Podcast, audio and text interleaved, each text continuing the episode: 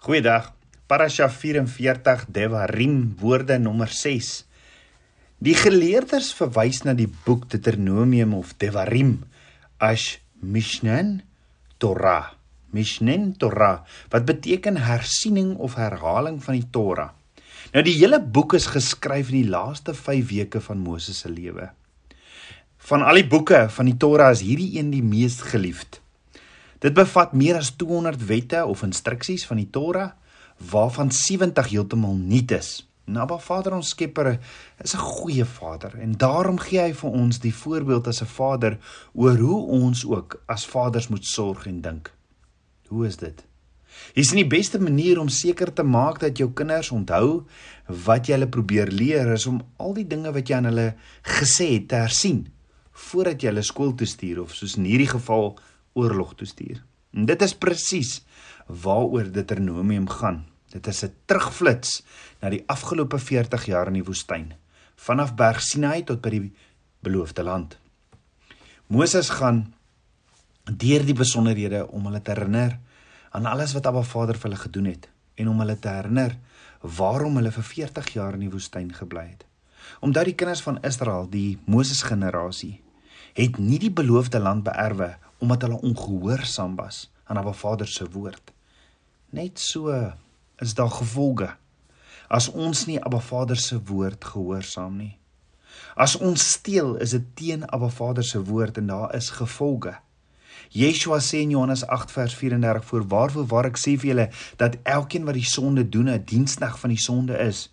Daarom is dit belangrik om ook soos Moses terug te kyk na die afgelope jaar en om ons geestelike reise te hersien. Wat is die geestelike paadjie wat ek en jy gestap het die afgelope jaar? Het ons nader aan Abba Vader beweeg of het ons verder beweeg? Het ons geloof gegroei of het ons gestagneer? Hoekom is dit belangrik om terug te kyk na jou geestelike reis? Om te besef en raak te sien wat Abba Vader jou geleer het en om dankbaarheid te betoon as ook natuurlik om jou kinders te leer uit jou foute. As ons byvoorbeeld terugkyk net na die jaar, dink daaroor. Het dit wat nou tans die laaste week gebeur het met Suid-Afrika, hierdie geweldige onluste, mense wat tot sterwe kom, trokke wat aan die brand gesteek word, strate wat geblokkeer word en duisende besighede wat geloot is. Het dit nie alles te doen met Suid-Afrika wat die 8ste Mei die jaar 'n ancestor day geloods het nie. Net om oor te ponder. En die punt is tydens ons lewensreise is daar tye waar Ruach HaKodesh, die Heilige Gees ons dinge leer om te doen en om dit te onthou vir toekomsdoeleindes. Yeshua sê in Johannes 14 vers 26 die trooster, die Heilige Gees wat die Vader in my naam sal stuur, hy sal julle alles leer en sal julle herinner aan alles wat ek vir julle gesê het. En onthou, Yeshua het niks gesê wat hy nie by sy Vader gesien het nie. Yeshua sê in Johannes 8 vers 38, ek spreek van van wat ek by my Vader gesien het. Jy sien soms is Ruach se wenke baie subtiel totdat jy dit vergelyk met dinge in die verlede, dan sien jy Abba Vader is besig om jou te leer. En daarom is dit ook belangrik om soos Moses se joernaal te hou en terug te flits wat die afgelope tyd alles gebeur het. En dankie tog Moses het die tyd gemaak om alles neer te skryf wat hy gedoen het. Dankie dat Moses Abba Vader geshema het en dat dit gees vervuld geskryf is. Nou ons het gesien in die week die heel eerste onderwerp wat ter sprake kom in Moses se terugflits is die feit dat Moses eenvoudig nie die grootste gemeente ooit alleen kon behartig nie. Moses het hulp nodig gehad. Moses verduidelik dit alles weer in Deuteronomium 1 vers 9 tot 18. En dit is die begin van wat algemeen bekend staan as die Moses model van leierskap. Dis 'n dis 'n redelike eenvoudige model of raamwerk. En Abba Vader het die hoogste gesag en is aan die bokant en die belangrikste leier. Abba Vader is in beheer. Dan is daar hierdie persoon wat hy aanstel met wie hy praat as sy belangrikste verbindingspunt vir visie en rigting. Onthou dit was net Moses wat bereid was om Berg Sinai op te gaan, Abba Vader se aangesig te soek en Abba Vader te nader. Die hele volk het gesê in Eksodus 20 vers 19: "Spreek U, spreek jy Moses met ons dat ons kan luister, maar laat God nie met ons spreek nie, anders sterwe ons." Ja, hulle wou nie, hulle wou nie doodgaan aan hulle self nie. Maar Moses het Moses het sy lewe neergelê om 'n vriend van Vader te wees. So op Vader het vir Moses aangestel en dan is daar die leiers van verskillende groep groeperings wat gesag gekry het op grond van hulle wysheid en kennis. Hulle taak was om die mense te organiseer en te help lei in die rigting wat Abba Vader lei deur die een wat sit op die stoel van Moses. Dis 'n teokratiese regering waar Abba Vader die finale gesag het. Hoe groter die gemeente, hoe meer leiers sal nodig wees om mense te bedien. Dit is nie 'n hiërargie nie. Dis 'n span wat spesifieke operasionele rolle het vir elke leier. Maar die moeilikste posisie is die stoel van Moses of the seat of Moses. En so baie mense wil so graag in hierdie stoel sit, maar het nie idee wat dit behels nie. Hoekom? Want dit is die persoon wat die meeste gekritiseer word en die meeste geoordeel word, waaraan die meeste rebellie teengevoer word en opstand teenkom. En dit is waar Moses hom in die eerste gedeelte van hierdie hoofstuk bevind. Oorweldig en uitgeput om alles bymekaar te probeer hou.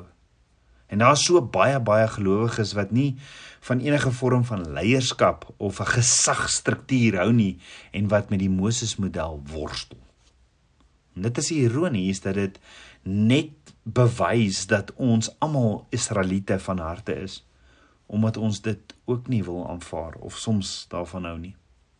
Is ons nie maar almal opstandig van harte en wil net doen wat ons wil doen nie? Ons hou nie daarvan om op enige manier aan gesag onderworpe te wees nie. Dit is deels omdat ons almal sukkel en en sulke slegte voorbeelde en misbruik van hierdie gesag gesien het. En deels omdat ons net wil doen wat ons wil sonder voorafbeplanning. Hierdie soort denke is 'n redelike moderne konsep en is beslis nie volgens Abba Vader se woord nie. As ons in die tyd van Moses geleef het, as ons deel wou wees van die kinders van Israel, sou sou ons geen keuse gehad het om die gesag te aanvaar van Abba Vader nie. Anders het dit dalk vir jou uitgedraai soos Korag hulle. Die leiersmodel wat Abba Vader aan Moses gegee het, was briljant. Nie net het dit die werksklas versprei nie, maar dit het dit het 'n hele stelsel van diens en bediening aan die mense geskep. Misdaad was deur werklike gevolge beperk en dit het Abba Vader toegelaat om die mense doeltreffend te lei deur die een aan wie hy die visie gegee het. Jy sien enige iemand wat al deel was van enige organisasie waar almal gelyke gesag het, daar leer jy dat sulke strukture vinnig tot chaos en verdeeldheid lei. En die vernaamste doel van die Moses stelsel was om die spanning te verlaag en te verhinder dat Moses oorweldig moet word. So kan ek jou vra, het jy al ooit oorweldig gevoel in 'n posisie of 'n leier? Se posisie? Daar waar jy alles in jou vermoë gedoen het om net almal wat jy gelei het bymekaar te hou? Dit kan selfs wees net om jou familie te lei. 'n Bybelstudiegroep of selfs partykeer 'n organisasie. Maar ongeag die ons situasie, Abba Vader gee ons in hierdie Moses struktuur die instruksies oor hoe om te bestuur en te delegeer. Let wel, delegeer is Abba Vader se metode van keuse. Of dit nou 'n huishouding of 'n besigheid is, gesag, respek en delegering is die sleutel. En daar's 'n leier wat sit in die stoel van Moses en dra verantwoordelikheid. Yeshua praat ook van hierdie stoel van Moses. Hoor gou wat sê Yeshua in Matteus 23 vers 1 tot 5. Toe het Yeshua die skare en sy disippels toegespreek en gesê: "Die skrifgeleerdes en die fariseërs sit op die stoel van Moses.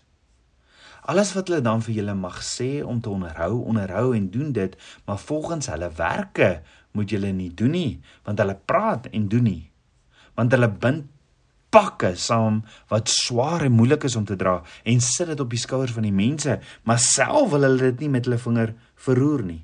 En hulle doen al hulle werke om deur die mense gesien te word en hulle maak hulle gedenksreëls breed en die some van hulle klere groot. Het dit wat Yeshua hier in Matteus 23 gesê het, iets met die Talmud, die Oral Torah te doen? Verseker. Wat is die Talmud of ook genoem die die Tweede Torah? Die Oral Torah.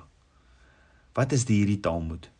Dis hierdie prentjie van waar Abba Vader sy kinders lei tot by Berg Sinai.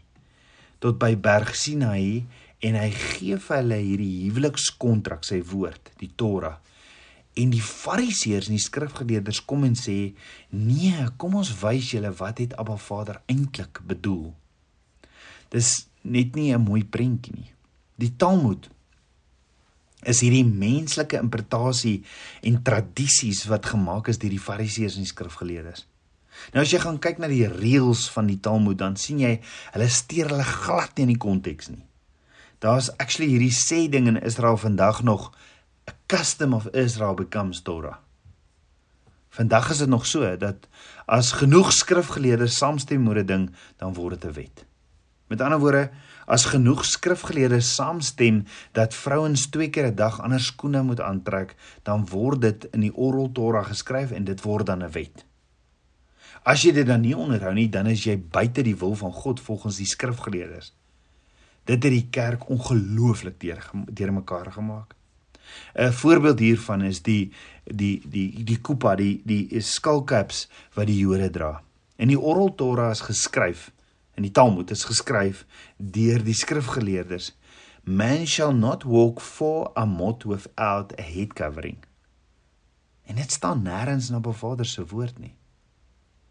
So nou mag hulle nie verder as 2 meter stap sommer so, sonder om 'n hoetjie op hulle kop te sit nie. As jy dan nou nie hierdie goepa op jou kop het nie, dan dan sien hulle jou as iemand wat nie Abba Vader ken nie. En die vraag is, waar staan hierdie tradisie in Abba Vader se woord? Jy sien tradisie is okay as ek Marika en my twee seuns elke Sondagmiddag 5:00 'n roomys gaan koop by KFC. Maar as dit begin om 'n teenstryd te kom met Abba Vader se woord, is op is is ek op 'n moeilike plek en 'n baie gevaarlike terrein. Veral as ek dit op mense begin afdwing en sê dit is buite Abba Vader se wil as hulle dit nie ook doen nie. As hulle nie ook 5 uur Sondagmiddag by KFC stop nie. Dan KFC slaap van hou maar Dit is nie die waarheid nie. Yeshua sê in Matteus 15 vers 6 tot 9: "So het julle dan die gebod van God kragteloos gemaak ter wille van julle oorlewering. Gefeinsdes tereg het Jesaja oor julle geprofeteer toe hy gesê het: Hierdie volk nader my met hulle mond en eer my met hulle lippe, maar hulle hart is ver van my af." Maar ter vergeefs vereer hulle my deur leringe te leer wat gebooie van mense is. Nou vandag nog luister mense na skrifgeleerdes wat die woord bedien en hulle bring stukkies tradisies en interpretasies van oral af in by Abba Vader se woord en dan weet mense nie eintlik van beter nie en dan leer hulle hierdie tradisies en interpretasies en dink dis Abba Vader se wil. Die woord van Abba Vader sê gaan toets alles aan sy woord En in Deuteronomium 4 vers 2 staan: "Julle mag by die woord wat ek julle beveel niks byvoeg nie en julle mag daar niks van weglaat nie sodat julle die gebooie van die Here julle God mag onderhou wat ek julle beveel." So die Talmud is is menslike interpretasies en tradisies wat gemaak is deur die Fariseërs en die skrifgeleerdes. En ons weet ook daar's net een waarheid en dis Abba Vader se woord. En daar's nie daar's nie een plek in die Ou Testament en in die Nuwe Testament waar Abba Vader hom dan self weerspreek nie. Daar is een waarheid en daar is een woord en dis die woord van Abba Vader. So baie keer kry kry ons teksverse soos hier in Matteus 23 en dan verstaan ons nie en sonder om dit te gaan ondersoek aanvaar ek dit maar net so of ek sê die Bybel is nou vir my so maak my net so 'n bietjie deurmekaar. Jy sien niks staan sommer net in Abba Vader se woord, sommer maar net daar nie. Abba Vader is 'n God van waarheid en nie van verwarring nie. As dinge vir ons nie duidelik is in Abba Vader se woord nie, is dit nie dalk net hier waar ek en jy net moet stil word en sê Abba, wat is u waarheid? Kom leer my asseblief, Abba.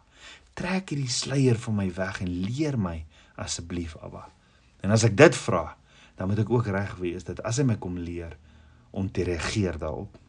So wat is hierdie stoel van Moses? Dit is die plek om met autoriteit Abba Vader se woord te leer of te preek in die geestelike familie of soos ons dit vandag ken die kerk. Met ander woorde, as ons na die kerk sou kyk, sou ons tipies die spreekwoord gebruik het wat sê die pastoor sit in die stoel van Moses. Want dis die leermeester, die een wat jou leer in die sinagoges in daai tyd. En ons weet die fariseërs en die skrifgeleerdes het die Torah, die eerste 5 boeke in die Bybel en dan ook die Talmud, hulle eie interpretasie en tradisies verkondig. Maar hoekom sê Yeshua dan in hierdie teksversie bo doen wat hulle leer? Want ons weet hulle het die Talmud geleer eh, want ons weet as hulle die Talmud geleer het saam met die Torah sê Yeshua nee, ons moet dit nie gehoorsaam nie. Maar tog sê hy doen wat hulle leer. Is dit hoe jy dit lees? Ons weet die Ou Testament is in Hebreëus geskryf en Matteus is ook En as ons hierdie teksvers hier bo in Hebreëus in die oorspronklike Bybel gaan lees, dan maak dit heeltemal sin. Ons Bybels lees, die skrifgeleerdes en die Fariseërs sit op die stoel van Moses. Alles wat hulle dan vir julle mag sê om te onderhou, onderhou en doen dit, maar volgens hulle werke moet julle nie doen nie, want hulle praat maar doen nie. OK, hoor gego lees die oorspronklike woord wat Yeshua sê. Therefore, do exactly what Moses says. Yeshua sê dit.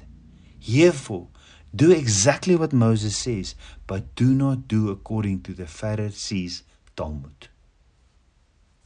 Hulle sit in hierdie autoriteit om te leer wat Moses geskryf het, maar moenie hierdie gewoontes en hierdie tradisies wat hulle gedoen het byleer nie. En nou maak dit mos meer sin, nê? Jy sien ek en jy lees die woord sonder om dieper te gaan kyk. En as ons hierdie in ons Bybels lees, lyk dit asof Yeshua gesê het ons moet doen presies wat hulle sê. En hy het nie.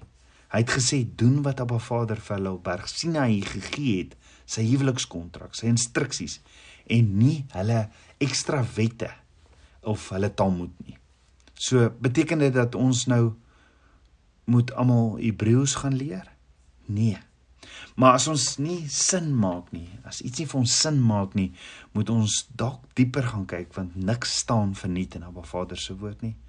Dis nie so maklik om altyd te vertaal nie, want as ek in Afrikaans sê die koel is deur die kerk, weet jy presies wat ek bedoel.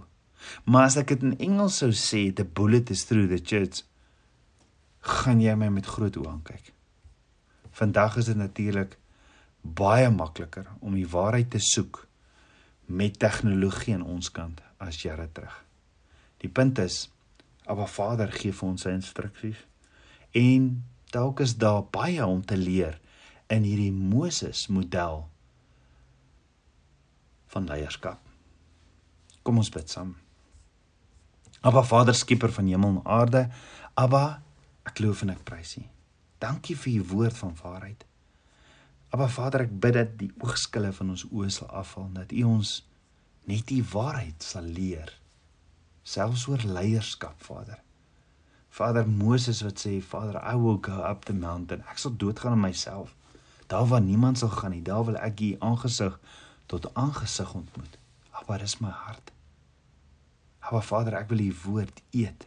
Vars manna en my ingewande met U woord vul. U woord is so soet soos heuning in my mond. Dankie, dankie Abba Vader. Vader, ek kies om deel van u generasie te wees. Deel van u geloofshelde wat sal vasklou aan u woord en op u woord alleen sal staan. Kom Ruach, leer my.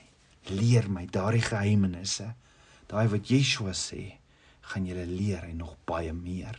Kom leer my my trooster. Ek bid dit alles in Yeshua, Hamasieg se naam, die seun van Jahweh. Amen. Shalom.